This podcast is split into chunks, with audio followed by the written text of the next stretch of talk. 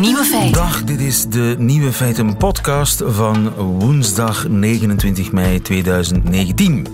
In het nieuws vandaag dat Noord-Korea nu ook een eigen whiskymerk heeft, Samilpo. Dat nieuws is bekendgemaakt door een Chinees reisbureau dat gespecialiseerd is in Noord-Korea.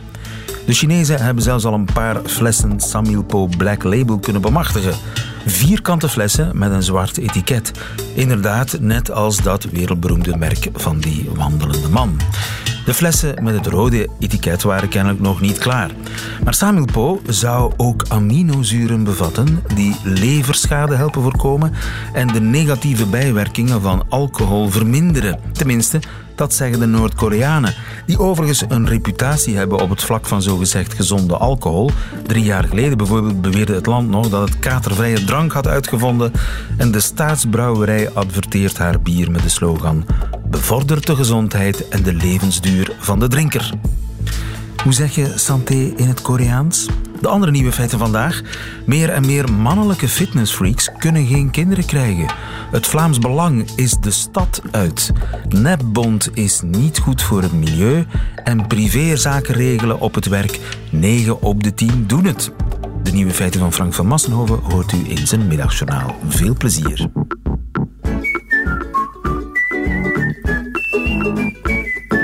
Feiten. Opvallend veel fitnessfreaks kunnen geen kinderen krijgen. Dokter Tournay, goedemiddag. Goedemiddag. U bent androloog van de VUB. U helpt dus uh, onder meer mannen met vruchtbaarheidsproblemen. Krijgt u heel vaak gespierde mannen over de vloer? Uh, niet al te vaak, maar wel vaker en vaker. Vaker en vaker? Ja. En hoe gaat dat dan? Bijvoorbeeld weten die dat zij een probleem hebben met hun vruchtbaarheid? Wel, sommigen, denk ik, weten het, maar durven niet hardop zeggen. Want ik zie meestal de mensen dus in het kader van kinderwens. En dan zitten voor mij altijd man en vrouw. En dus je komt regelmatig in een situatie waar inderdaad een man ziet die uh, mooi bruin gebrand is en die uh, ja, een, mooi uitzicht heeft, zullen maar zeggen. Uh, waar dan de zaadkwaliteit slecht is of zelfs geen zaadcellen zijn. En natuurlijk, wij, wij zijn erop getraind om dan wel die vragen te stellen. En dan zie je toch wel dat sommige mannen mooi toegeven dat ze iets nemen, dat ze weten wat de gevolgen zijn. Anderen die zeggen dat ze het niet weten. En anderen ja, zeggen zelfs dat ze niets nemen, terwijl je dan in een bloedafname die je dan later doet, omdat ze geen zaadcel hebben bijvoorbeeld, duidelijk blijkt dat ze wel iets nemen. En Snap je? Dus uh, nemen... je hebt daar een heel spectrum van negatie in. Dus is het onwetendheid, het gaat van onwetendheid tot het gewoon niet, niet binnen de relatie durven zeggen dat er iets genomen wordt zelfs. En zij nemen anabole steroïden, daar gaat het over, hè? Ja, zij nemen een of ander preparaat. Uh, dus uh, het, het, is ook heel duidelijk, heel veel van die mannen zijn enorm goed thuis in de hormonenapotheek, uh, bij wijze van spreken, want ze kennen ook de alternatieven. Er zijn ook hormoonpreparaten op de markt die bijvoorbeeld geen onderdrukking geven van je zaadproductie, maar wel een, een verhoogd testosteron geven, de natuurlijke productie van melkhormoon, dus uh, een boost geven. Dus sommigen zijn zeer goed thuis en, en weten wel echt van, als ik dit neem, ga ik minder vruchtbaar zijn. Als ik dat neem, zal dat mijn vruchtbaarheid minder aantasten. Overigens, dat, dat, waar u het over had, is dat een fabeltje dat je een soort van hormoonpreparaten kunt nemen die niks doen met je vruchtbaarheid, die dat niet onderdrukken? Kan dat? Ja, maar ja, dat kan. Dus eigenlijk zwangerschapshormoon eigenlijk, uh, zwangerschapshormoon, dat, dat, dat bestaat in injecteerbare vorm. En dat uh, gaat dus je zaadbal aanzetten tot het produceren van meer mannelijk hormoon. Let op, dat gaat nooit diezelfde hoogtes krijgen als dat je rechtstreeks mannelijk hormoon gaat toedienen. Ja. Maar inderdaad, uh, dat is een van die alternatieven die je soms ook hoort passeren. Ja, maar ook die mensen krijgt u over de vloer. Ja, maar natuurlijk, die gaan dan minder problemen hebben, dus die gaan in principe geen probleem hebben. Meestal als wij het vinden, is het een vondst van er is een slechte zaadanalyse en het kan zelfs heel ver gaan. Hè. We hebben een aantal gevallen, heb ik zelf gehad, die eigenlijk verwezen worden voor donorinseminatie, dus om met andere woorden zwanger te worden met zaad van een andere man. Maar dan zit voor jou hè, een kleerkast die mooi bruin gebrand is en dan begin je verder te vragen sommige gevallen zegt men nee, ik neem niks, ik doe wel fitness, ik doe mee competitief en zo. Maar dan in, in, in één keer dat je een bloedafname doet, ja, dan vallen die mannen door de mand. Want dan zie je dus in het bloed dat de hormonen die van de hersens komen en die je zaadbal moeten aansturen, dat die heel laag zijn, dus onbestaande zijn. En dat het, het hormoon van de testis komend, in dit geval dus melkhormoon, dat dat heel hoog is. En ja, zelfs dat kan alleen maar... hun echtgenotes weten van niks. Uh, soms weten die echtgenoten inderdaad van niks. En dat leidt dan toch meestal tot een notige wrijvingen. Ja, dat, ja. dat is het feit. Hè. Vooral als het soms, uit de, soms komt de aap uit de mouw op het moment dat er een behandeling nodig is. Er waren bijvoorbeeld zeer weinig zaadcellen. En, en, en, en, en er is een behandeling, uh, inseminatie of IVF zelfs. Maar, maar ja, men gaat maar door met die behandeling. Of men gaat dan toch andere anabolica bijnemen. En op het moment dat er, ja, dat er een zaadstand moet afgeleverd worden om een behandeling af te maken, ja, blijken er geen zaadcellen te zijn. Ja, ik kan, ja, je hoeft daar geen tekeningetje bij te maken dat dat relationele, zeer zware, frustrerende situaties ja, zijn. Hè, naar die, je partner. die vrouw die dacht ja. dat ze een van nature gespierde kerel uh, had, maar blijkt dat die afhankelijk is van spuitjes in zijn kont eigenlijk. Daar ja, komt het op neer. Ja, ja, ja, ja, daar komt het op neer. Ja. En die spuitjes die uh, vertellen eigenlijk aan je hersenen opgepast, uh, die, die hormoonproductie, die testosteronproductie hier is in overdrive. Ik leg de ballen stil. Ja. Dat is eigenlijk wat ja, er gebeurt. Ja. In feite, al die anabolica en al die testosteronpreparaten, dat zijn niet alleen spuitjes, dat kan ook gel zijn die je op je huid smeert. Bestaat zelfs tegenwoordig ook in pilvorm. Dus je hebt van alle mogelijke applicaties, eh, pleisters zelfs. Dus, uh, maar eigenlijk is dat de mannenpil. Hè. Dat heeft hetzelfde effect als de mannenpil. Nu, bij de meeste mannen, dat is toch bij 9 op de 10 uh, ongeveer, zal dat inderdaad leiden tot, tot zware vruchtbaarheidsstoornissen, waarbij je meestal geen zaadcel of heel, heel weinig zaadcel hebt. Bij sommigen gaat dat een minder effect hebben. En zal die vruchtbaarheid een beetje aangetast worden, maar niet in die, in die uh, mate dat wij die mannen gaan zien. Ja. Dat is ook de reden dus waarom de is eigenlijk, eigenlijk nooit... De meerderheid, ja, de, de reden meerderheid de wordt onvruchtbaar. De meerderheid wordt zeer sterk verminderd vruchtbaar, ja op termijn. Nu, dat, dat, dat zouden ze zelf moeten merken, want die zaadballen, het volume van een zaadbal wanneer een, een, een kind in de puberteit gaat, ja, verandert dat van, laten we zeggen, de grootte van een, een, een kleine druif tot, tot ja, toch een beetje een serieuzere grootte amandel, hè, zullen we maar zeggen. En, en wanneer je dus als volwassen man aan die anabolica of testosteronpreparaten gaat, dan gaat je zaadbal dus die productie van zaadcellen gaat stilvallen en gaat je zaadbal dus terugkrimpen. Die gaat kleiner worden. Is dit omkeerbaar? Dit is omkeerbaar. Ja, als je stopt met die anabolica, dan ga je drie, vier tot zes maanden later ga je terug zaadcellen beginnen maken. Ja. ja. Dat gaat traag, maar dat komt terug op gang. Dat is volledig reversibel. Ja. U ziet het aantal uh, onvruchtbare kleerkasten toenemen in uw praktijk. Officieel is het verboden, maar het spul circuleert massaal in onze sportcentra. Ja, wat je ook merkt is dat heel veel mensen wel weten, ik neem dingen, ik bestel ze op het internet bijvoorbeeld, maar ze gaan ervan uit dat ze inderdaad, gezien de prijs vaak laag is op het internet, ze denken dan, ja, dit is niet echt een hormonaal preparaat. Er zitten hormonale preparaten dat mannen mij soms vermelden, met name zoals Testo Boost en dergelijke. Ja, maar de prijs dan van die aard, dat ze, dat ze ervan uitgaan, ja, daar, daar zitten gewoon wat eiwitten in of daar zit niks echt in, dat dat helpt. Hè. Dat is een vitaminepreparaat en ze geven dat een, een, een sexy title, dat dat verkoopbaar is. Maar dan blijkt dus dat er echt zaken in zitten die echt hormonaal zeer actief zijn soms. Hè. Dankjewel, Helder. Meneer uh, Tournay, dokter Tournay, goedemiddag van de VUB. Graag gedaan, dag.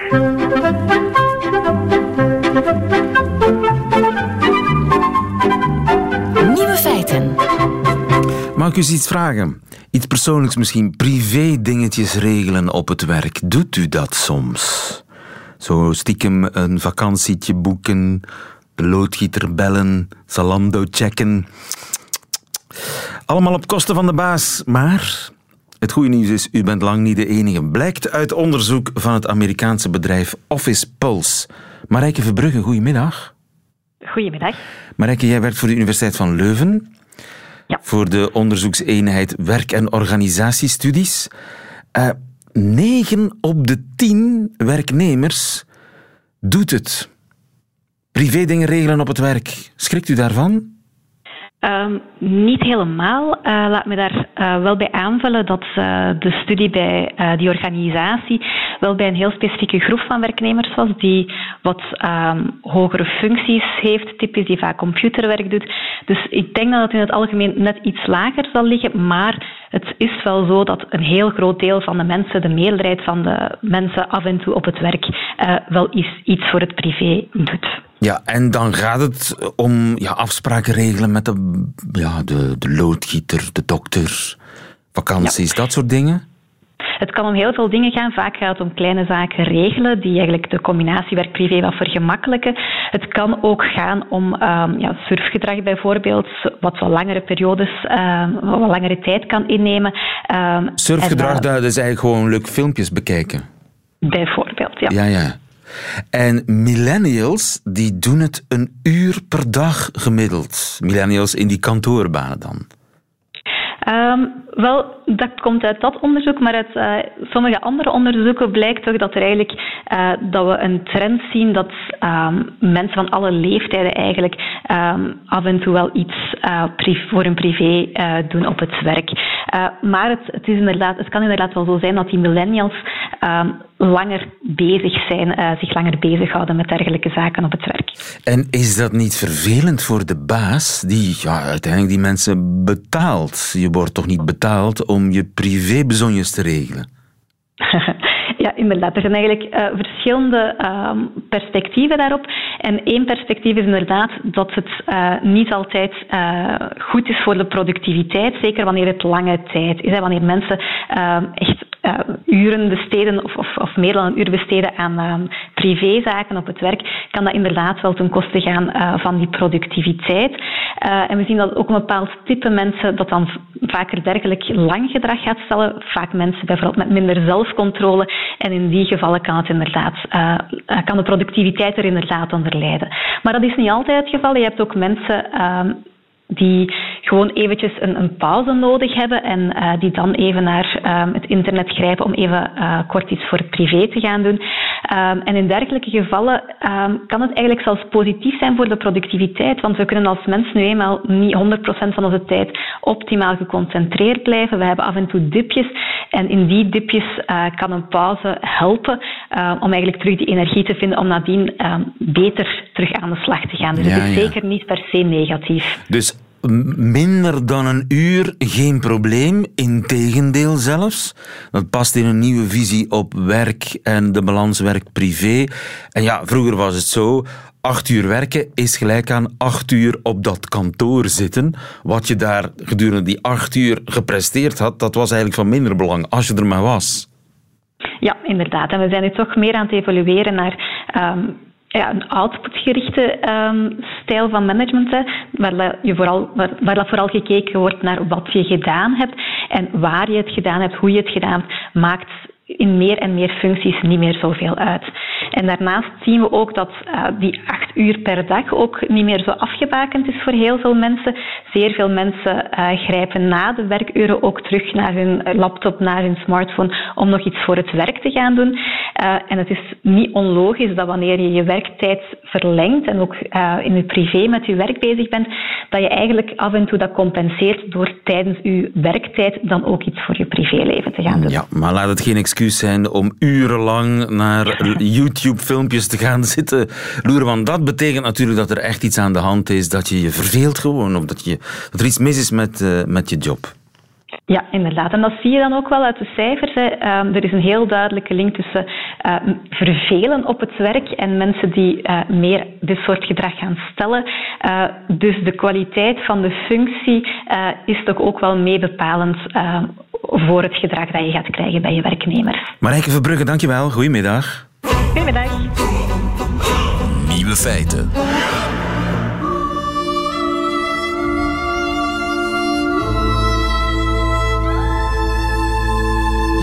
Bent u overgeschakeld van bond op nepbond? De dieren danken u, maar het milieu minder. Alexandra de Raven, goedemiddag. Goedemiddag.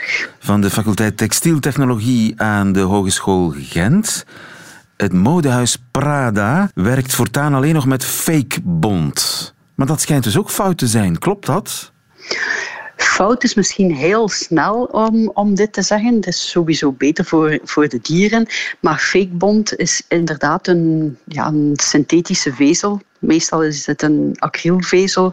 Dus uh, ja, fossil-based. En vandaar ook niet ideaal. Maar om direct te zeggen fout, hangt allemaal af hoe mensen daarmee omgaan. Dus nepbond is eigenlijk gemaakt van petroleum? Nepbond is gemaakt van petroleum, ja. Meestal toch. En eh, dat is een probleem omdat dat veel eh, schade toebrengt aan het milieu bij de productie ervan? Nu, bij de productie normaal gezien niet. Als het in goede omstandigheden gebeurt en uh, ja, ervoor gezorgd wordt dat er geen lozingen zijn en zo, kan dit best dat men kijkt naar okay, luchtzuiverende zaken en zo. Um, nu, hoe dan ook, bij productie is er inderdaad een probleem dat het heel veel energie vergt. Ja, kraken gewoon van petroleum vergt al heel veel energie. Anderzijds heb je weinig of geen waterverbruik, dat je dan wel terug hebt als je natuurlijke vezels gaat ja, gebruiken. Katoen bijvoorbeeld. Dat vraagt heel veel water. Maar, die, maar, heel maar veel er moet petroleum gekraakt worden. Ja, dat is het, uh, het proces om de verschillende polymeren te kunnen uit petroleum halen. Ja, nu. Dus zware chemie komt daaraan te pas. Zware chemie, ja, ja, ja, sowieso. Maar het probleem zit hem eigenlijk in de recyclage van dat nepbond. Um, ja, men kan recycleren. Uh, alles is recycleerbaar, maar goed, daar hangt ook een prijs aan vast. En het probleem in wat de modesector is eigenlijk dat er heel vaak nog bij het designen, ik zeg niet iedereen, er zijn ook heel veel goede voorbeelden, uh, te weinig aandacht besteed wordt aan keuze van materialen, waardoor soms in één kledingstuk vijf, zes verschillende materialen zitten, wat het dan enorm duur maakt om inderdaad te gaan recycleren. Maar dus dat nepbond, dat breekt niet af, je kunt het moeilijk recycleren. Daar zit eigenlijk het foute tussen aanhalingstekens van nepbond. Niet zozeer in de productie. Denk inderdaad vooral na de gebruiksfase dat de problemen groter zijn. Nu, in productie heb je zeker ook, ja, eens dat je de, de vezel hebt, worden er nog allerhande andere stappen op gedaan. Dus het verven uh, gebeurt ook, eventueel het veredelen om het nog zachter te maken.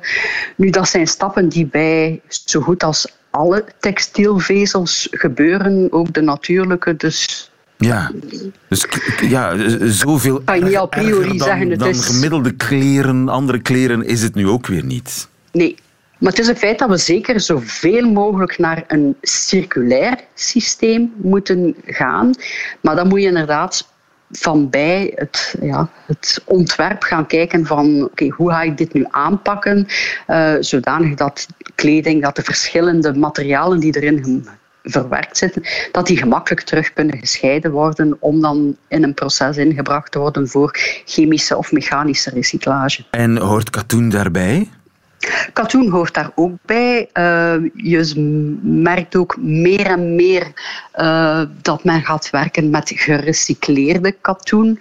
Uh, heel vaak zie je dat dan ook als een etiket hangen aan kleding. Nu, in de meeste gevallen zal dat nooit meer dan 20% zijn, omdat gerecycleerde katoen, zeker mechanisch gerecycleerde katoen, heel veel aan sterkte moet inboeten. Waardoor dat je dan eigenlijk een minderwaardige vezel krijgt en dat je toch nog ja, veel nieuw materiaal moet toevoegen om toch nog een degelijk ketingstuk te hebben. En wat zijn dan de stoffen van de toekomst? Um, stoffen van de toekomst, denk ik zeker de, ja, de terugkeer om opnieuw meer hennep en vlas te gaan gebruiken, uh, omdat die in de teelt toch stukken milieuvriendelijker is dan katoen. Ja, achteraf wordt die natuurlijk ook geverfd en zo. Dus dit maakt niet veel uit. Men kan verven met natuurlijke kleurstoffen. Daar gebeurt ook al heel veel onderzoek naar. Maar van vandaag zijn de meeste natuurlijke kleurstoffen nog niet zo was-echt. Dus dan heb je natuurlijk het probleem als je het een paar keer gaat wassen. Ja, je hebt een rood blouseje, je steekt er de witte onderbroeken van je echtgenoot bij en die uh, heeft een gans assortiment met roze onderbroeken. Dus, Ook niet mis, hè? Echte mannen kunnen het aan. Maar hennep en vlas, zit dat lekker? Uh, dat kan zeker lekker zitten. Vlas uh, is een, een, vezel die, die echt zeer aangenaam dragen is. Ook uh, vooral in de, in de zomer heel comfortabel. Nadeel is wel dat hij natuurlijk wat ja, gemakkelijker kreukt en zo. Um, hennep is heel sterk vergelijkbaar qua eigenschappen moeilijk met, te strijken. Met vlas. Moeilijk te strijken, maar je kan die eigenlijk ook. Het hangt, als je de hele lange vezels gebruikt, heb je inderdaad een heel mooi, rustiek materiaal eigenlijk. Maar je hebt ook korte vezels. Je kan die ook zelf, mm, door gebruik van enzymen, kort gaan maken. En dan laat hij ze eigenlijk verwerken als een katoenvezel. Uh, dus ja, hennep er moet wel nog wat onderzoek gebeuren, maar er zijn zeker uh, heel wat potentieel. Uh, hennep en vlas zitten in de toekomstlift, zal het maar zijn, als die al wat bestaat, ja. de toekomstlift. Maar daar zit dus kennelijk niet uh, het uh, faux fur, nepbond zit daar niet in.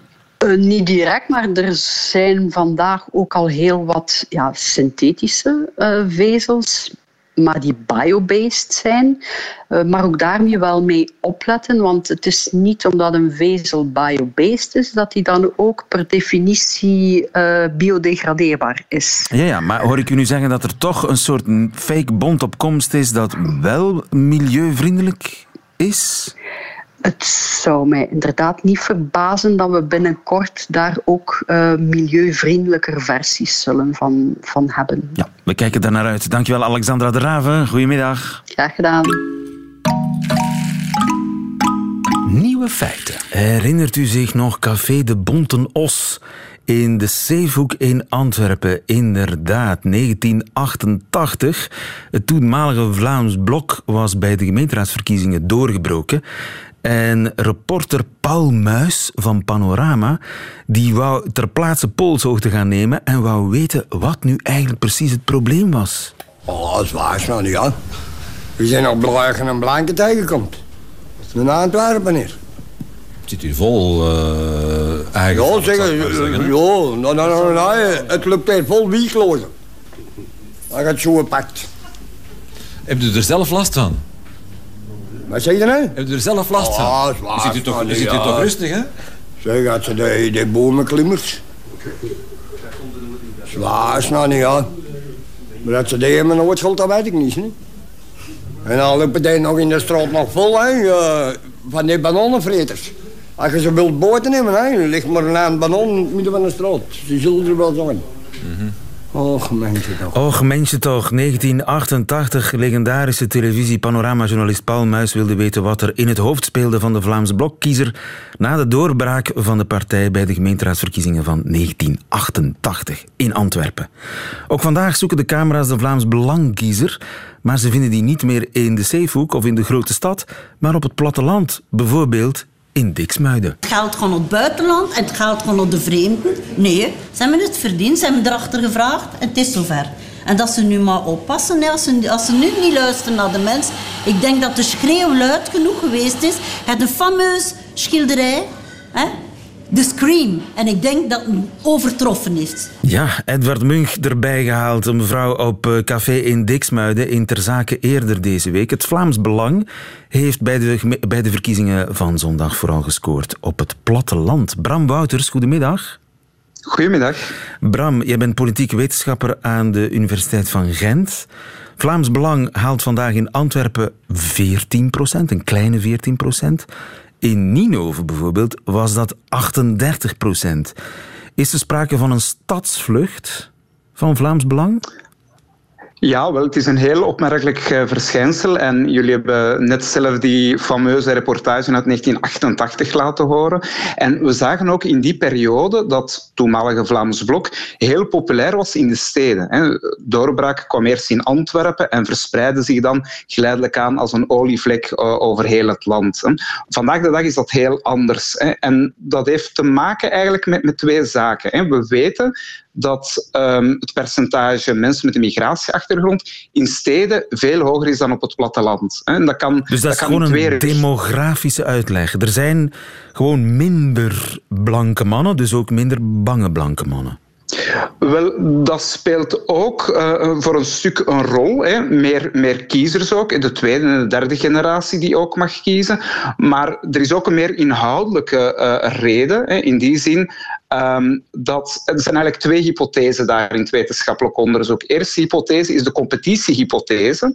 Die zegt als je in een buurt woont met veel mensen met een migratieachtergrond, ja, dan ga je die zien als concurrenten. Hè. Concurrenten uh, voor sociale huisvesting, concurrenten op de jobmarkt en dergelijke meer. Hè. En dus de verwachting is dan dat in zulke omgeving uh, mensen eerder voor Vlaams Blok, Vlaams Belang uh, gaan stemmen. En aanvankelijk denk ik dat dat inderdaad ook wel zo geweest is. Hè. Tweede, tweede verklaring of tweede hypothese zegt net het omgekeerde. is eigenlijk de contacthypothese. En die zegt, ja, hoe meer contact dat je hebt met mensen met een migratieachtergrond, um, hoe minder problemen dat je daarmee gaat hebben. Je merkt dat je wel nog veilig over straat kan lopen. Je merkt ook dat ze niet allemaal profiteurs zijn en dergelijke meer. En ik heb de indruk hè, dat dat nu meer en meer in de steden hè, zo lijkt te zijn. Hè, dat mensen inderdaad uh, meer dan vroeger alleszins vrienden met een migratieachtergrond uh, hebben, daar veel contact mee hebben, zien dat het allemaal niet zo erg is als vaak wordt voorgesteld in die filmpjes op sociale media. En um, op het platteland heeft men veel minder de mogelijkheid om een reality check te doen uh, over die filmpjes. Hè. Die filmpjes komen binnen en men ziet dat, hè, allerlei horrorverhalen hè, over uh, mensen met een migratieachtergrond in steden. Hè, en dat gaat hè, zo Het gevaar loert om uh, de hoek, pas op. Het komt ja. eraan. Ja, en ik denk dat dat wel gespeeld heeft. Mensen die in een stad wonen, hè, die ondervinden dagelijks hè, dat ja, die filmpjes misschien wel een kern van waarheid bevatten, maar hè, vaak een, een, eenzijdig beeld geven of wat overtrokken zijn, dat de realiteit hè, heel wat positiever is. Mensen op het platteland kunnen minder die, die reality check uh, maken. Dus ik denk dat dat, dat, dat één verklaring is. Hè. Tweede verklaring hè, uh, heb jij daar net al even aangehaald, hè, die demografische verschuiving. Hè. Als we gaan kijken naar wie er vandaag de dag in steden woont, en wie daar mag stemmen, hè, dan zien we daar tweede en derde generatie hè, die ook uh, stemrecht heeft, die, die Belg geworden zijn. Um, en ja, de kans is natuurlijk klein dat zij voor Vlaams Belang gaan stemmen. Maar er is nog een tweede demografische evolutie die ook een rol kan spelen, namelijk hè, een aantal mensen die precies omwille van het feit dat zij het moeilijk hebben met, met vreemdelingen, de stad ontvlucht zijn. En dat zien we voor een stuk in de Denderstreek, waar een aantal mensen Brussel verlaten hebben en in de rand rond Brussel gaan wonen.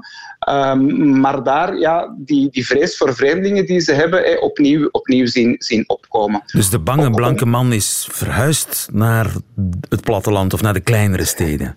Ja, of gaat niet langer in steden wonen. Hè. We weten, hè, uh, niemand kijkt er nog van op, hè, dat er iemand met een kleurtje of, of zelfs met een hoofddoek rondloopt in Antwerpen.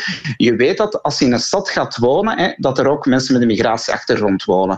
En mensen die vandaag de dag in de stad gaan wonen, zijn over het algemeen mensen die daar misschien niet zoveel problemen mee hebben, die, die daar ook aan gewend zijn. Hè. Terwijl um, mensen die er bewust voor kiezen om niet in de stad gaan wonen, te gaan wonen, dat zij daar misschien meer, meer problemen mee hebben. Ja. Sommige um, mensen zeggen ook dat dit een gele hesjesverhaal is. Zoals in Frankrijk de gele hesjes een ja, een plattelandsfenomeen is. Mensen die de diesel niet meer kunnen betalen, die nauwelijks de touwtjes aan elkaar kunnen knopen, die zich vergeten voelen. In Vlaanderen hebben we weinig gele hesjes op straat gezien, maar die hebben zich wel gemanifesteerd in het kieshokje. Ja, want we hebben het nu vooral gehad over um, migratie hè, en, en uh, als, als verklaringsfactor. Hè. Maar het gevoel van achterstelling, het gevoel van men houdt geen rekening met ons, dat heeft zeker ook wel gespeeld in die landelijke gebieden. En in die zin was een stem voor Vlaamse Belang niet alleen een, een, een migratiestem, maar zeker ook een middenvinger naar, naar de politieke klasse. En, en een signaal van kijk, wij zitten hier in een uithoek van het land. Hè. Er wordt geen rekening met ons gehouden. En um, wij, willen, wij willen dat de politiek onze problemen en, en onze, onze verlangens ernstiger neemt. Um, en als ik nog mag aanvullen, ik denk dat er ook nog een, een derde verklaring is. Aha. En die derde, ver, die derde verklaring die sluit aan bij de partijstrategie van Vlaams Belang. En Vlaams Belang uh, heeft in 2006 geprobeerd om uh, de Winter burgemeester te maken in Antwerpen. Dat is niet gelukt. Sindsdien is hun aanhang in die steden verzwakt. En zijn ze tot het inzicht gekomen, ja, de steden, dat was oorspronkelijk wel onze, onze sterke plaats, maar we zijn dat aan het verliezen. En Vlaams Belang, Vlaams Belang is heel uh, bewust gaan inzetten op die plattelandsgemeente. En is uh, onder meer via sociale media daar uh, echt heel sterk op getarget. Ja. En heeft daar echt een prioriteit van gemaakt. Hij heeft haar campagnemiddelen heel sterk ingezet op die randgemeente en op die plattelandsgemeente. Ja, en, en ook de kopstukken zijn uit die landelijke gebieden. Hè. Het, het, is niet Flip ja, de Winter en Gerolf Annemans, dat waren echte Antwerpse stadsboys, zeg maar. Klopt, dat kun je klopt. niet zeggen van de huidige top. Nee, nee, Tom van Grieken bijvoorbeeld, of Dries van Langenhoven. Eh, Tom van Grieken is de rand rond Antwerpen. Dries van Langenhoven is eigenlijk een, een, een plattelandsdorp ergens in Vlaams-Brabant. Uh, dus zij weerspiegelen ook die veranderde focus van de partij. Dus ik denk dat het ook een, een doelbewuste strategie geweest is van de partij om vooral daar sterk op te scoren. Omdat ze daar ook het gevoel hadden, hè, en dat is blijkbaar toch wel uitgekomen op basis van de resultaten, dat ze daar nog meer groeimarge hadden dan in de steden. Ja, het Vlaams Belang is op stadsvlucht gegaan. Dankjewel Bram Wouters. Helder, goedemiddag. Graag gedaan. Nieuwe feiten. Middagjournaal. Tien jaar geleden ging ik nog eens terug naar mijn geboortedorp, Zerkegem. Nu Jabbeke. Al mag ik dat niet zeggen van mijn moeder, die de fusie van 1975 toch altijd niet verteerd heeft. De jaargenoten van het gebenedijde jaar 1954 organiseerden het feest van de 55-jarigen. Ik verwachtte me aan een avond vol verhaaltjes van kattenkwaad, van grapjes over meneer Pastoor, die nooit zijn soutane heeft afgelegd en daarom Zorro werd genoemd, en over die onwaarschijnlijk mooie vervangonderwijzeres, op wie alle jongetjes, ook de kleine Frankie, stiekem prepuberaal verliefd waren geweest. De mannen zouden er zonder twijfel nog eens mee gelachen hebben dat al onze voornamen op een i eindigen. In onze klas zaten alleen Eddies, Freddies, Gabbies en jawel, Frankies. En oh ja, er was ook een Hippolyt, maar die benijden we niet. Maar geen grappige, geen sappige verhalen die avond. Het thema was: wanneer kan je met pensioen? Voor mij en mijn teergeliefde was de hartstochtelijke zucht naar het loopbaaneinde verbijsterend. Wij dachten niet aan pensioen. We vonden zelfs niet dat we werkten. Wij amuseerden ons. We waren ook wel de enigen die hogere studies hadden gedaan. De grootste reden van de pensioenhunkering was niet de aard van het werk, maar de bazen. Bazen die mensen vernederen, die bevelen en werkschema's achterloos omgooiden, die taken oplegden waarvan de ganse ploeg wist dat ze nutteloos waren of zelfs schadelijk. Eddy was de meest benijde 55-jarige van die avond. Als gevolg van een bedrijfssanering mocht hij op zijn 54ste met pensioen. Op zijn ontslagfeestje kwam zijn baas hem terloops vragen wat zijn voornaam ook weer was.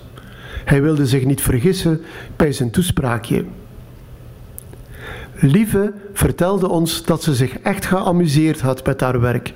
Ze moest commerciële foto's op fouten onderzoeken en haar bazen vonden dat ze daar groot talent voor had. Maar ze werd ziek. Kanker. Ze vroeg om thuis te mogen werken. Dan hoefde ze niet constant aan die vreselijke ziekte te denken. We gaan het overwegen, zei haar baas. Twee dagen later viel haar ontslagbrief in de bus. Haar iets oudere man werkte bij hetzelfde bedrijf en vroeg onmiddellijk zijn brugpensioen aan. Die avond was er nog één werkgelukkige 55-jarige in de zaal. Freddy, een jongen die al op zijn zevende accordeon speelde. Hij was beroepsmuzikant geworden voor familiefeesten. Het leek wel alsof je alleen gelukkig kon worden door je eigen habitat te creëren en je eigen baas te zijn. De ganse verkiezingscampagne kregen we te horen: iedereen moet langer werken. Maar in geen enkele brochure, hoe veelkleurig ook, vond ik een oplossing voor het pensioenvraagstuk die vertrok van het geluk van de werknemer. Politici zeggen dan wel te luisteren naar de burger, maar blijkbaar hebben ze nog nooit gehoord dat alleen gelukkige werknemers hun pensioen uitstellen.